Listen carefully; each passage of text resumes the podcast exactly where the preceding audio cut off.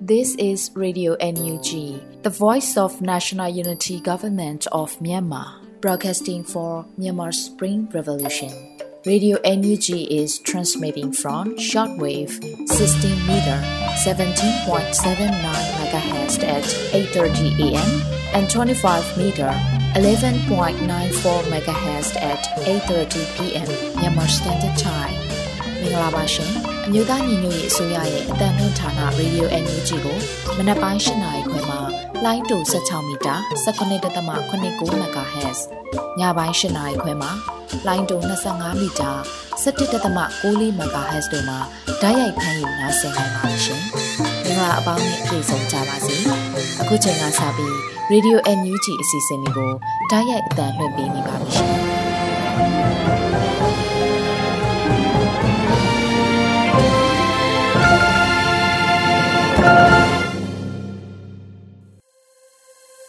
မြန်မာနိုင်ငံသူနိုင်ငံသားအပေါင်းတဘာဝပေးဆရာနာရှင်ပြီးတို့ကနေကင်းဝေးပြီးကိုစိတ်နှစ်ပါးပေးကင်းလုံခြုံကြပါစေလို့ရေဒီယိုအန်ယူဂျီခွဲသားများကဆုတောင်းမြတ်တာပို့သလိုက်ရပါတယ်ရှင်။အခုချိန်ကစပြီးကာကွယ်ရေးဝန်ကြီးဌာနရဲ့စီရေးသတင်းချင်းချုပ်ကိုတော့စောတဲလူနေမှဖတ်ကြားတင်ပြပေးပါရမရှင်။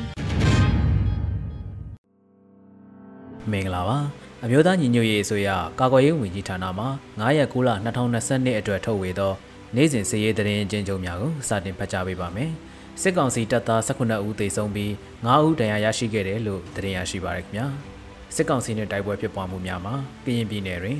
စက်တင်ဘာလ4ရက်နေ့ကကော့ကရိမြို့နယ်တောင်ကြားအင်းတရာဟောင်တရောတရာထိပ်ရှိလုံခြုံရေးအကြောင်းပြပြီးမတရားဖမ်းဆီးငွေတောင်းခံမှုများပြုလုပ်နေသည့်စစ်ကောင်စီတပ်ကိုအထူးစစ်စင်ရေးတပ်ဖွဲ့ SOF မှအနီးကပ်ဝင်ရောက်တိုက်ခိုက်ခဲ့ရာစစ်ကောင်စီတပ်မှတပ်ချက်တအူးအပါအဝင်3ဦးသေဆုံးခဲ့ကြောင်းသတင်းရရှိပါရခင်ဗျာ။ကြရားပြည်နယ်တွင်စက်တင်ဘာလ4ရက်နေ့မနက်6နာရီခွဲခန့်ကဖရူဆိုမြို့နယ်ငွေတောင်ရွာသစ်ကျေးရွာနေတွင်စစ်ကြောင်းထိုးတက်ဆွဲထားသည့်စစ်ကောင်စီတပ်အား KA KNDF B10 တပ်များပူးပေါင်း၍၄နာရီကြာတိုက်ခိုက်ခဲ့ရာစစ်ကောင်စီတပ်သားတအူးသေဆုံးပြီးထိခိုက်ဒဏ်ရာရသူများပြား၍တိုက်ပွဲအတွင်း MA3 တနက်တလက်ခဲယံကြီးစံများသိမ်းဆည်းရရှိခဲ့ကြောင်းတင်ရရှိပါရခင်ဗျာ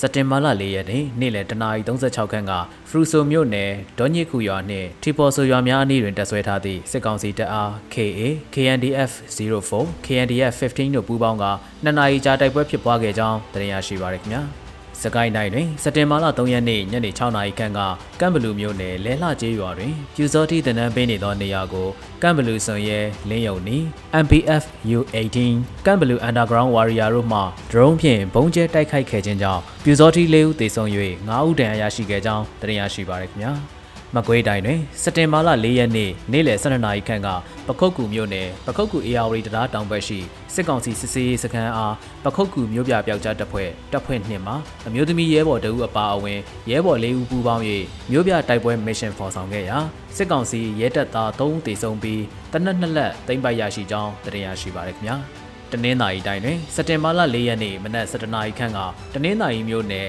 လက်သစ်ထိန်ချောင်းဝအနီးစစ်ကြောင်းထိုးလာသည့်စစ်ကောင်စီတပ်များနှင့်ပြည်သူ့ကာကွယ်ရေးပူးပေါင်းတပ်များ6နာရီကြာတိုက်ပွဲဖြစ်ပွားခဲ့ရာစစ်ကောင်စီတပ်သား3ဦးသေဆုံး၍ပြူစောထီအဖွဲ့ဝင်2ဦးလည်းသေဆုံးခဲ့ကြောင်းသိရရှိပါရခင်ဗျာ။ စစ်ကောင်စီကျူးလွန်သောရာဇဝတ်မှုများမှာစကိုင်းတိုင်းတွင်စက်တင်ဘာလ၄ရက်နေ့နေ့လယ်ပိုင်းကကလေးမြို့နယ်စက္ကန့်ရွာကိုစစ်ကောင်စီအဖွဲ့ဝင်များမှလက်နက်ကြီး၅ချိန်ပစ်ခတ်ခဲ့ပြီးလူနေအိမ်အချို့ထိခိုက်ပျက်စီးခဲ့ကြောင်းသိရရှိပါရခင်ဗျာစက်တင်ဘာလ၄ရက်နေ့နေ့လယ်၂နာရီခန့်ကကဏီမြို့နယ်အိုင်နောင်ရွာကိုအင်အားတရာခန့်ပါသောစစ်ကောင်စီစစ်ကြောင်းကချင်းတွင်းမြစ်အထက်ပိုင်းကလေးဝါမှာကုန်ပစ္စည်းနှင့်ကြောင်ပြီးသွေးတင်လာသောစစ်ရရင်ခွနက်စီးနှင့်အတူစုံစင်းလာရာမြေဘေးတောက်လျှောက်တွင်ရှိသောရွာများကို လက်နက်ကြီးလက်နက်ငယ်များဖြင့်ပစ်ခတ်ခဲ့ပြီးအမျိုးသားတအူးကိုထိမှန်ခဲ့ကြောင်းတင်ရရှိပါရခင်ဗျာ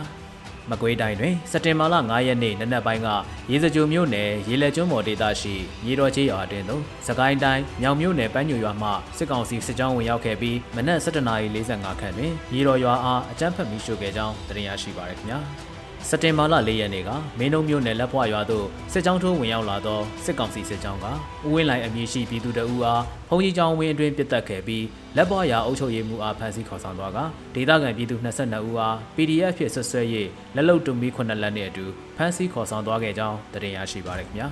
ရန်ကုန်တိုင်းတွင် စက်တင်ဘာလ9ရက်နေ့မနက်3:30ခန်းကလိုင်းတရားမြို့နယ်ဆယ်ရက်ကွက်ပြည်လန်းထိပ်ရှိအိမ်တလုံးကိုစစ်ကောင်စီဖွဲ့ဝင်များမှအင်အားအများအပြားဖြင့်ဝင်ရောက်စီးနင်းခဲ့ပြီးမိသားစုဝင်အားလုံးကိုဖမ်းဆီးကအိမ်ရှိတွင်လည်းတနက်ပစ်ဖောက်ခဲ့ကြောင်းသိရရှိပါရခင်ဗျာယခုဖော်ပြပါသတင်းများကိုမြေပြင်သတင်းတာဝန်ခံများနဲ့သတင်းဌာနများမှဖော်ပြလာသောအချက်အလက်များပေါ်တွင်အခြေခံပြုစုထားခြင်းဖြစ်ပါတယ်ကျွန်တော်သတင်းကြီးညာသူ Sortes လူနေပါခင်ဗျာ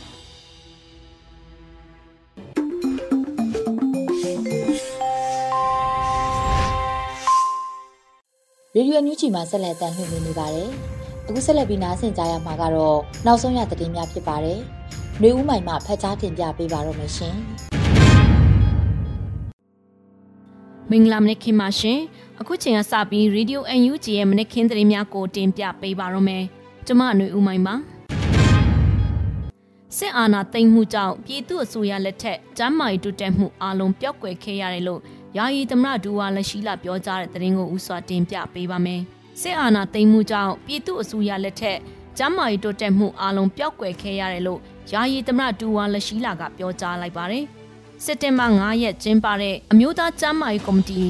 NHC ဖွဲ့စည်းခြင်းတစ်နှစ်ပြည့်ထိမ်းမှတ်ဖြစ်ဖက်ဒရယ်ကျန်းမာရေးစနစ်ဖော်ဆောင်ရန်အမျိုးသားကျန်းမာရေးနှီးနှောဖလှယ်ပွဲ National Health Seminar ဖွင့်ပွဲအခမ်းအနားမှာ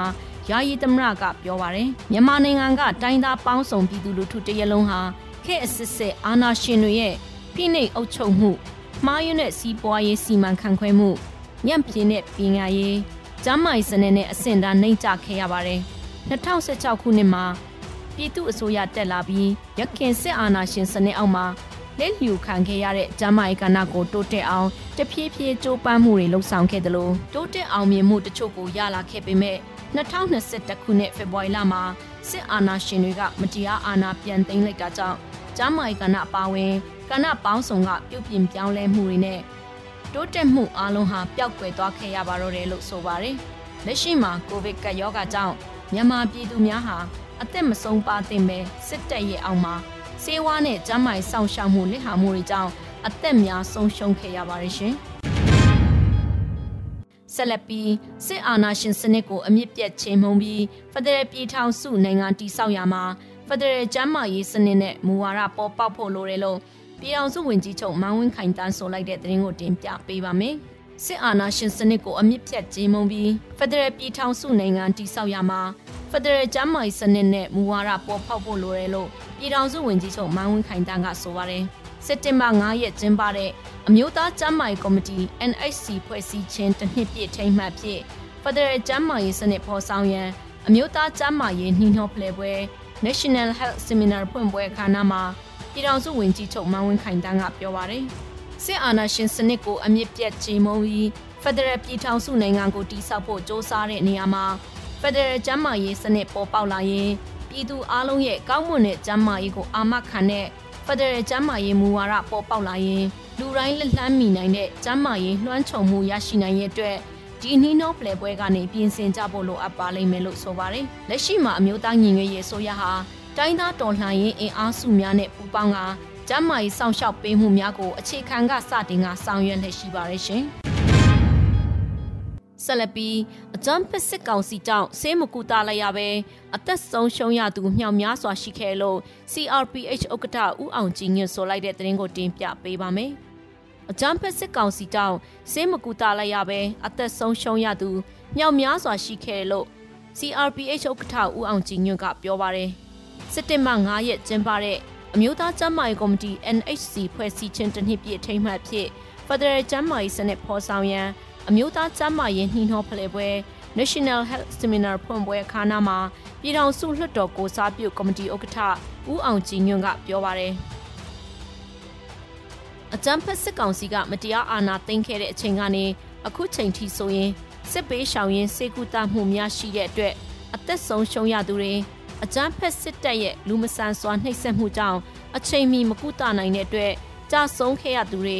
တိုက်ပွဲဝင်ရင်ထိခိုက်ဒဏ်ရာရရှိပြီးတော့ စေဝါမပြေဆုံးခြင်းတို့ကြောင့်ကြာဆုံးခဲ့ရသူတွေအသက်မဆုံးရှုံးသင်ရပဲဆုံးရှုံးရသူမြောက်များစွာရှိနေပါတယ်လို့ဆိုပါတယ်။အကြမ်းဖက်စစ်တပ်ဟာ၎င်းတို့ကျူးလွန်တဲ့ရာဇဝတ်မှုများကိုဖုံးဖိရန်စေကုတမှုမပေးဘဲအလောင်းဖြောက်ပြက်မှုတို့ပင်ရှိခဲ့ပါတယ်ရှင်။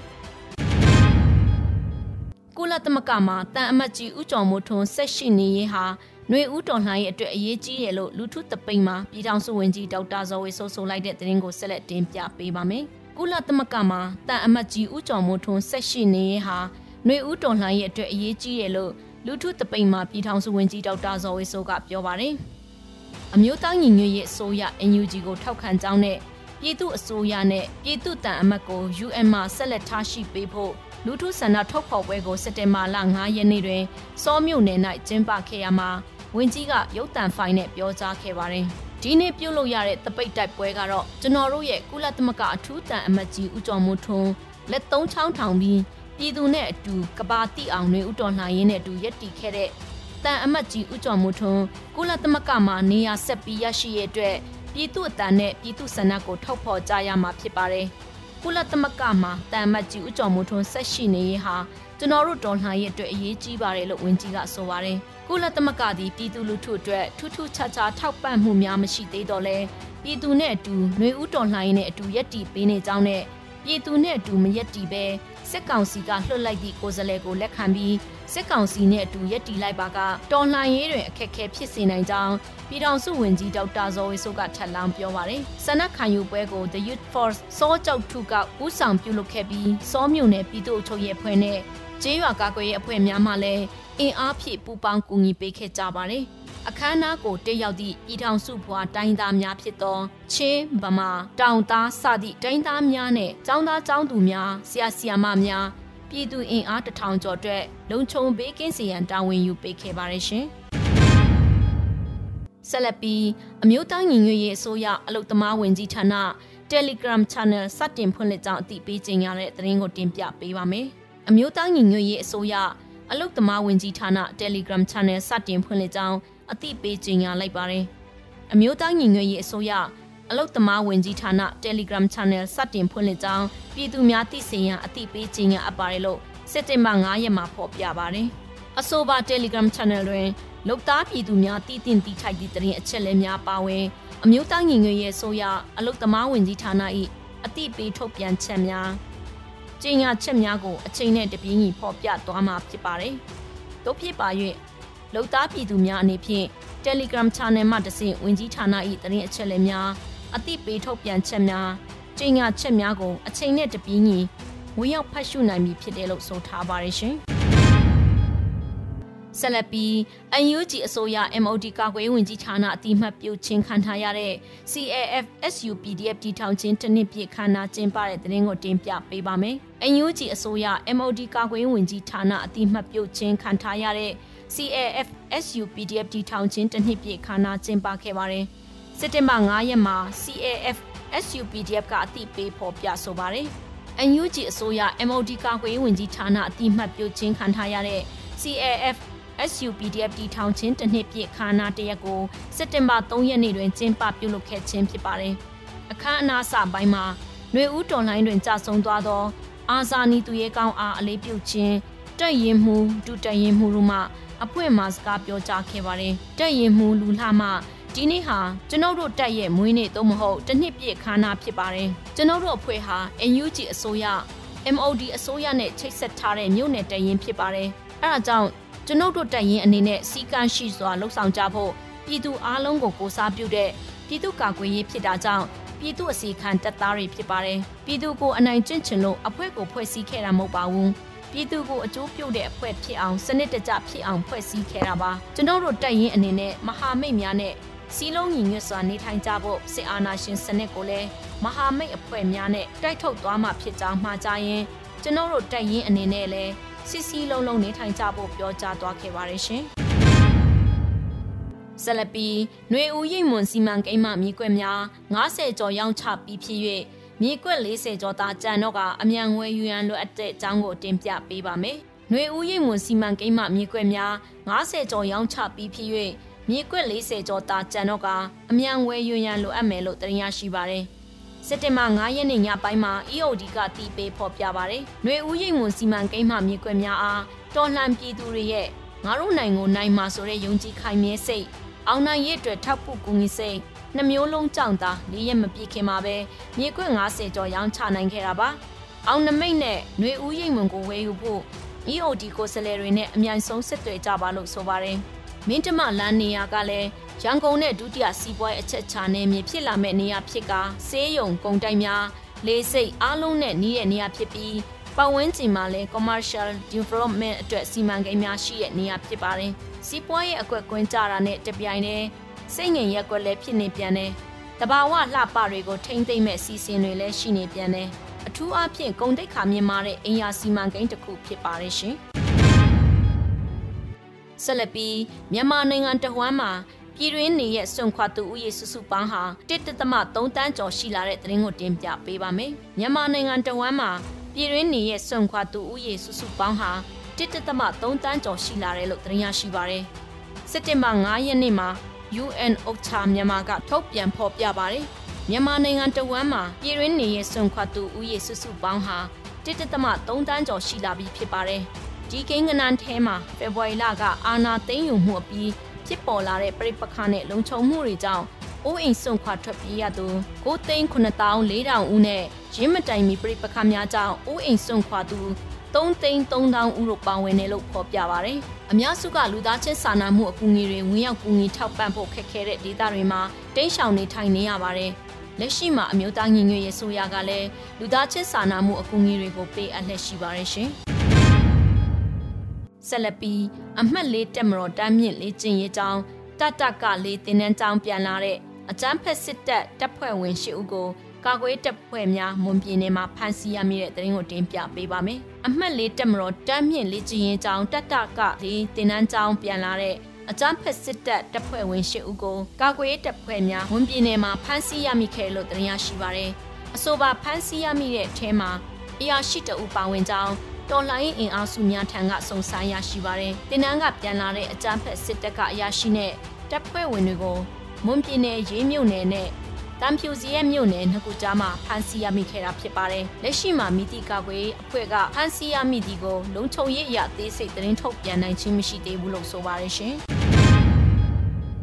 ဆက်လက်ပြီးပခုတ်ကိုအီယာဝရီတရာတောင်ဘက်ရှိစစ်ကောင်စီတပ်သားများဂိတ်စခန်းကိုပြစ်ခတ်တက်ခတ်၍မောင်းပြန်တဲ့နှစ်လက်သိမ်းဆီးရမိတဲ့သတင်းကိုတင်ပြပေးပါမယ်။ပခုတ်ကိုအီယာဝရီတရာတောင်ဘက်ရှိစစ်ကောင်စီတပ်သားများဂိတ်စခန်းကိုပြစ်ခတ်တက်ခတ်၍မောင်းပြန်တဲ့နှစ်လက်သိမ်းဆီးရမိတယ်လို့သတင်းရရှိပါရယ်။ စက်တင်ဘာ၄ရက်ကဖြစ်ပွားခဲ့သောပခုတ်ကိုအီယာဝရီတရာတောင်ဘက်ရှိခွေးကိတ်မရှင်ကရရှိရလို့ပခုတ်ကိုမြို့ပြပျောက်ကြားတပ်ဖွဲ့တပ်ဖွဲ့နှင့်ကဖော်ပြပါရယ်။ရဲဘော်ဒီရဲဘော်ဂျုံဖောနဲ့ရဲမေပူတူတို့ဤတွန်းလှန်စိတ်ပြင်းထန်မှုရဲဘော်ရီအားမောင်းပြန်ကင်စီလိုသောစိတ်ဖြင့်အသက်ကိုရင်းသောစွန့်လွတ်အနစ်နာခံမှု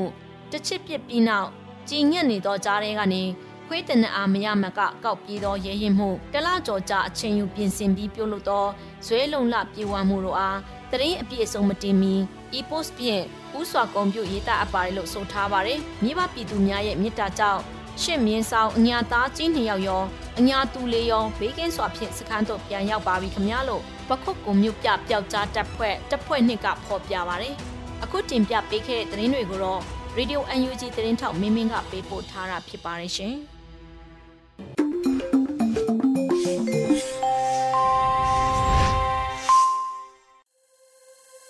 ရေဒီယိုအန်ယူဂျီပရိသတ်တွေအတွက်ကူးဆက်လက်ပြီးထုတ်လွှင့်ပေးမယ့်စီစဉ်ကတော့ပြည်သူခုခံစစ်တရင်များဖြစ်ပါတယ်။မျိုးဦးလင်းမှဖတ်ကြားတင်ပြပေးထားပါတယ်ရှင်။ပထမဦးစွာရွှေဘူတွင်စစ်တပ်ထောက်ဖို့စစ်ရင်တန်းများကို PDF မဟာမိတ်များကမိုင်းဆွဲတိုက်ခိုက်မှုစစ်သား2ဦးသေဆုံးတဲ့တဲ့ရင်ကိုတင်ဆက်ပါမယ်။စကိုင်းတိုင်းရွှေဘူမန္တလေးလမ်းတွင်တွာလာနေသည့်စစ်တပ်ထောက်ဖို့စစ်ရင်တန်းကို မဟာမိတ် PDF များကမိုင်းဆွဲတိုက်ခတ်ခဲ့ပြီးစစ်ကောင်စီဘက်မှစစ်သား2ဦးသေဆုံးကြောင်းရွှေဘူ Defense ကို SPDF အဖွဲ့ကသတင်းထုတ်ပြန်ပါတယ်။စက်တင်ဘာလ3ရက်နေ့နနက်8:30မိနစ်အချိန်ကစကိုင်းတိုင်းဘက်မှရွှေဘူဘက်သို့တွာလာနေသောစစ်တပ်ထောက်ပို့ရင်တန်းကိုရွှေဘူမြို့တောင်ဘက်ပုံပွဲကျွေးရာနီးတွင်မိုင်းဆွဲတိုက်ခိုက်ခံခြင်းဖြစ်ကြောင်းအဆိုပါရင်တန်းကိုမဟာမိတ် PDF များက ပရိသာမိုင်း၁၀လုံးဖြင့်မိုင်းဆွဲတိုက်ခိုက်ခဲ့ကြောင်းစစ်ကောင်စီထောက်ပို့ရင်စန္ဒဘင်းကတစီထိခိုက်ခဲ့ပြီးစစ်ကောင်စီတပ်သား2ဦးသေဆုံးကြောင်းမိုင်းဆွဲမှုကိုရွှေဘုံခရိုင်တရင်23နဲ့မဟာမိတ်များရွှေဘို Defense Force SPDF မြန်မာ Defense Force MDF ရွှေဘိုရွှေချိုးပြူပျောက်ကြားတပ်ဖွဲ့တို့ကပူးပေါင်းဆောင်ရွက်ခဲ့ခြင်းဖြစ်ကြောင်းရွှေဘို Defense Force SPDF အဖွဲ့ကတရားဝင်သတင်းထုတ်ပြန်ပါတယ်။ စပ်ပြီးမကွေးတိုင်းအင်မီကြီးရွာနီးစစ်ကောင်စီတပ်ဖွဲ့များတိုက်ခိုက်ခံရတဲ့တဲ့တင်ကိုဆက်လက်တင်ဆက်ပါမယ်မကွေတိုင်းပခုတ်ကူမြို့နယ်အင်ပင်ကျွာ၌တဆွဲထားသောအကြမ်းဖက်စစ်တပ်သည်ရွာမြောက်ဘက်သို့စက်တင်ဘာလ၄ရက်နေ့ဂျမနီညပိုင်းတွင်ကင်းပုံထွက်လာစဉ် RDF ပခုတ်ကူကပြစ်ခတ်တိုက်ခိုက်ရာစစ်သားတအူးသေဆုံးကြောင်းသိရရှိပါသည်။အင်ပင်ကျွာရှိစစ်ကောင်စီတပ်ဖွဲ့သည်ည9နာရီခန့်တွင်ကင်းပုံထွက်လာစဉ် Riot Defense သို့ PKU ကချောင်းမြောင်းပစ်ခတ်ခဲ့ခြင်းဖြစ်ပြီးစစ်သားတအူးသေဆုံးကကြံစစ်သားများမှာအင်ပင်ကျွာအတွင်းသို့ပြန်လည်ထွက်ပြေးသွားကြောင်း RDF ကသတင်းထုတ်ပြန်ပါတယ်။အကြမ်းဖက်စစ်တပ်ဘက်မှလက်နက်ကြီးလက်နက်ငယ်များဖြင့်ပြန်လည်ပစ်ခတ်ခဲ့တော်လဲ RDF တပ်ဖွဲ့များအထိကိမရှိစုခွာနိုင်ခဲ့ကြောင်းသိရှိရပါတယ်။နောက်ဆုံးတွင်လည်းဗုတ်ပြင်းမြို့နယ်တွင်နှစ်ရက်ဆက်တိုက်တိုက်ပွဲဖြစ်ပွားပြီးစစ်သား၄ဦးသေဆုံး လက်နက်နှစ်လက်သိမ်းဆည်းရမိတဲ့တဲ့ရင်ကိုတင်ဆက်မှာပါ။တရင်သာရီတိုင်းဗုတ်ပြင်းမြို့နယ်အတွင်းစက်တင်ဘာလ3ရက်နေ့နဲ့4ရက်နေ့တွင်အကြမ်းဖက်စစ်တပ်နှင့်ဒေသခံကာကွယ်ရေးတပ်ဖွဲ့များတိုက်ပွဲဖြစ်ပွားပြီးစစ်သား၄ဦးသေဆုံးကတနက်နှစ်လက်သိမ်းဆည်းရမိကြောင်းငကားစစ်သည်တနင်္သာရီအဖွဲ့ထံမှသိရှိရပါတယ်။ပုတ်ပြင်းပြည်ကြီးမှန်တိုင်းဝါဒင်းဝါချောင်းတိုက်ပွဲတွင်စက်တင်ဘာလ3ရက်နေ့တွင်အကြမ်းဖက်စစ်တပ်ဘက်မှ စစ်သား၄ဦးစိုက်ကယ်နှစီးဖြင့်လာရောက်စဉ် Flying Star PDF တို့ထိတွေ့တိုက်ပွဲဖြစ်ပွားခဲ့ပြီးစစ်တပ်ဘက်မှတပ်သားနိုင်ထွန်းတေဆုံးပြီးအရာခံဘူတဦးနဲ့အခြားအဆင့်ရှိသူတဦးတို့မှထိရှာတန်ရာတက်ချက်ကြီးတပ်နောင်မှာထိမှန်တန်ရာ၁၁ချက်ဖြင့်အဆုတ်ထိမှန်ကဗုတ်ပြင်းစေုံတို့အရေးပေါ်ပို့ဆောင်ထားရပြီးတနက်တလက်သိမ်းဆီးရမိခဲ့ကြောင်းသိရပါတယ်။အလားတူဗုတ်ပြင်းမြို့နယ်ကြီးကြီးမှန်တိုင်းဝါရင် R0 ဇုံတွင်စက်တင်ဘာလ၄ရက်နေ့ညနေ6:30မိနစ်ခန့်တွင်စစ်တပ်ဘက်မှထွက်ပြေးလာသည့်စစ်သား3ဦးကိုအကြမ်းဖက်စစ်တပ်စစ်ကြောင်းမှလိုက်လံဖမ်းဆီးစဉ်မဟာမိတ်တပ်ပေါင်းစုများနဲ့တိုက်ပွဲဖြစ်ပွားခဲ့ပြီးစစ်တပ်ဘက်မှ3ဦးသေဆုံးပြီးတနက်တလက်တိတ်စီရမိခဲ့ကြောင်းသိရပါတယ်။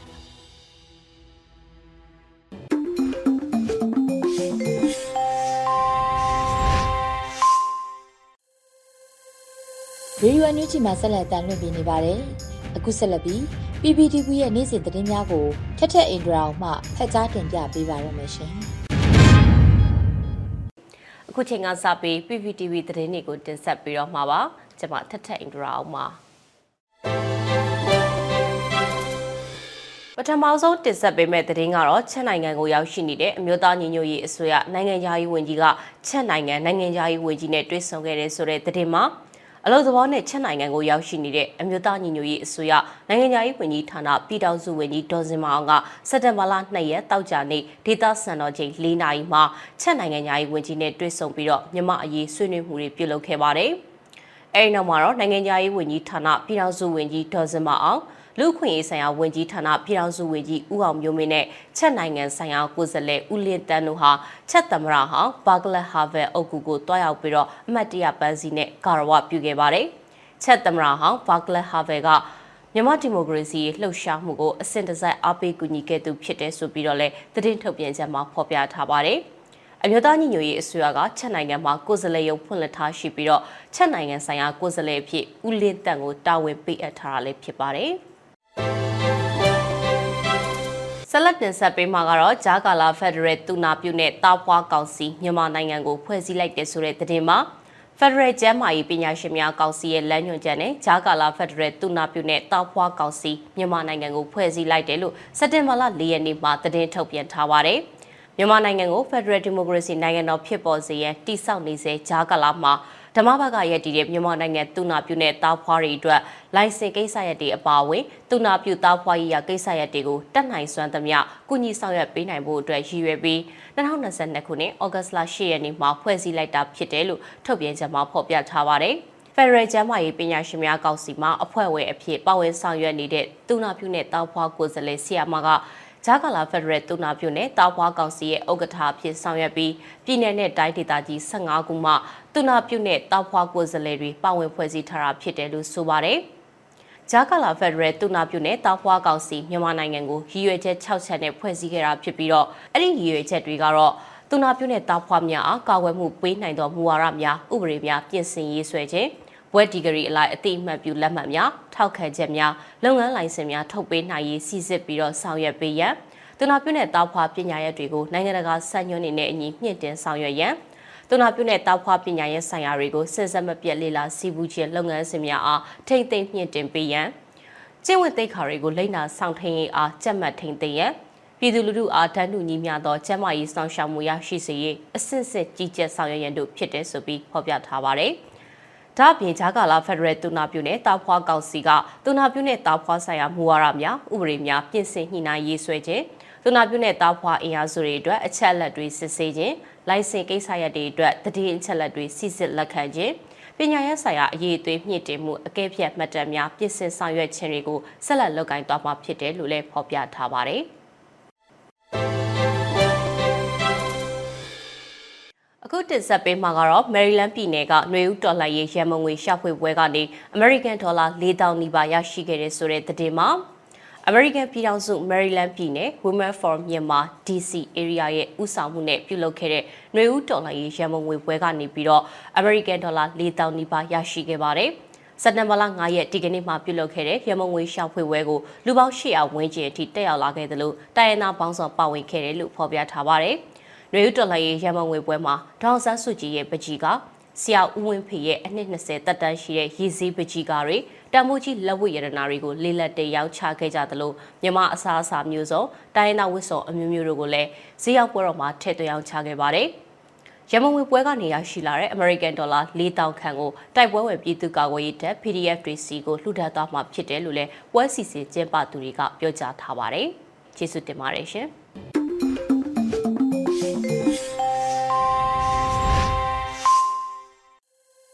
ရေဒီယိုအန်ယူဂျီပရိသတ်တွေအတွက်ကူးဆက်လက်ပြီးထုတ်လွှင့်ပေးမယ့်အစီအစဉ်ကတော့တော်လန်ရေးတိဂီတာအစီအစဉ်ဖြစ်ပါတယ်။နှွေဦးပြည်သူများရဲ့ Never Forget လို့အမည်ရတဲ့တော်လှန်ရေးတိဂီတာကိုနားဆင်ကြရတော့မှာဖြစ်ပါတယ်ရှင်။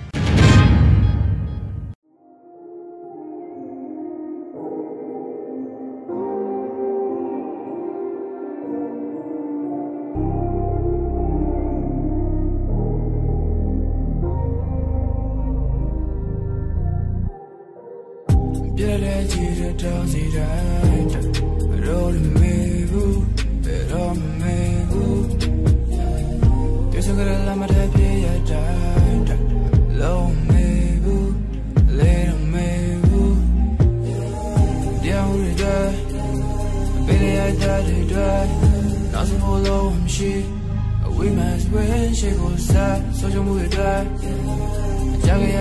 စ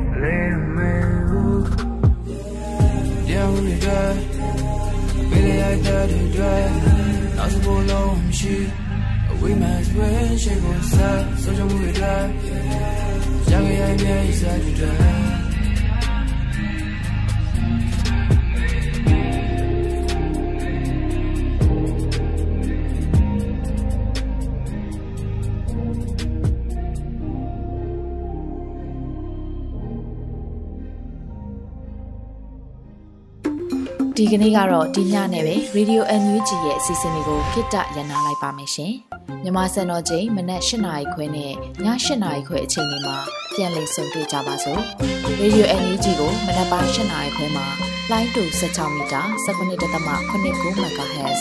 ညပိုင်း၈နာရီခွဲမှာလိုင်းတူ25မီတာ17.6 MHz တို့မှာဓာတ်ရိုက်ဖမ်းလို့နိုင်စေနိုင်ပါပြီ။ မြန်မာနိုင်ငံသူနိုင်ငံသားတွေကိုစိတ်နှပြ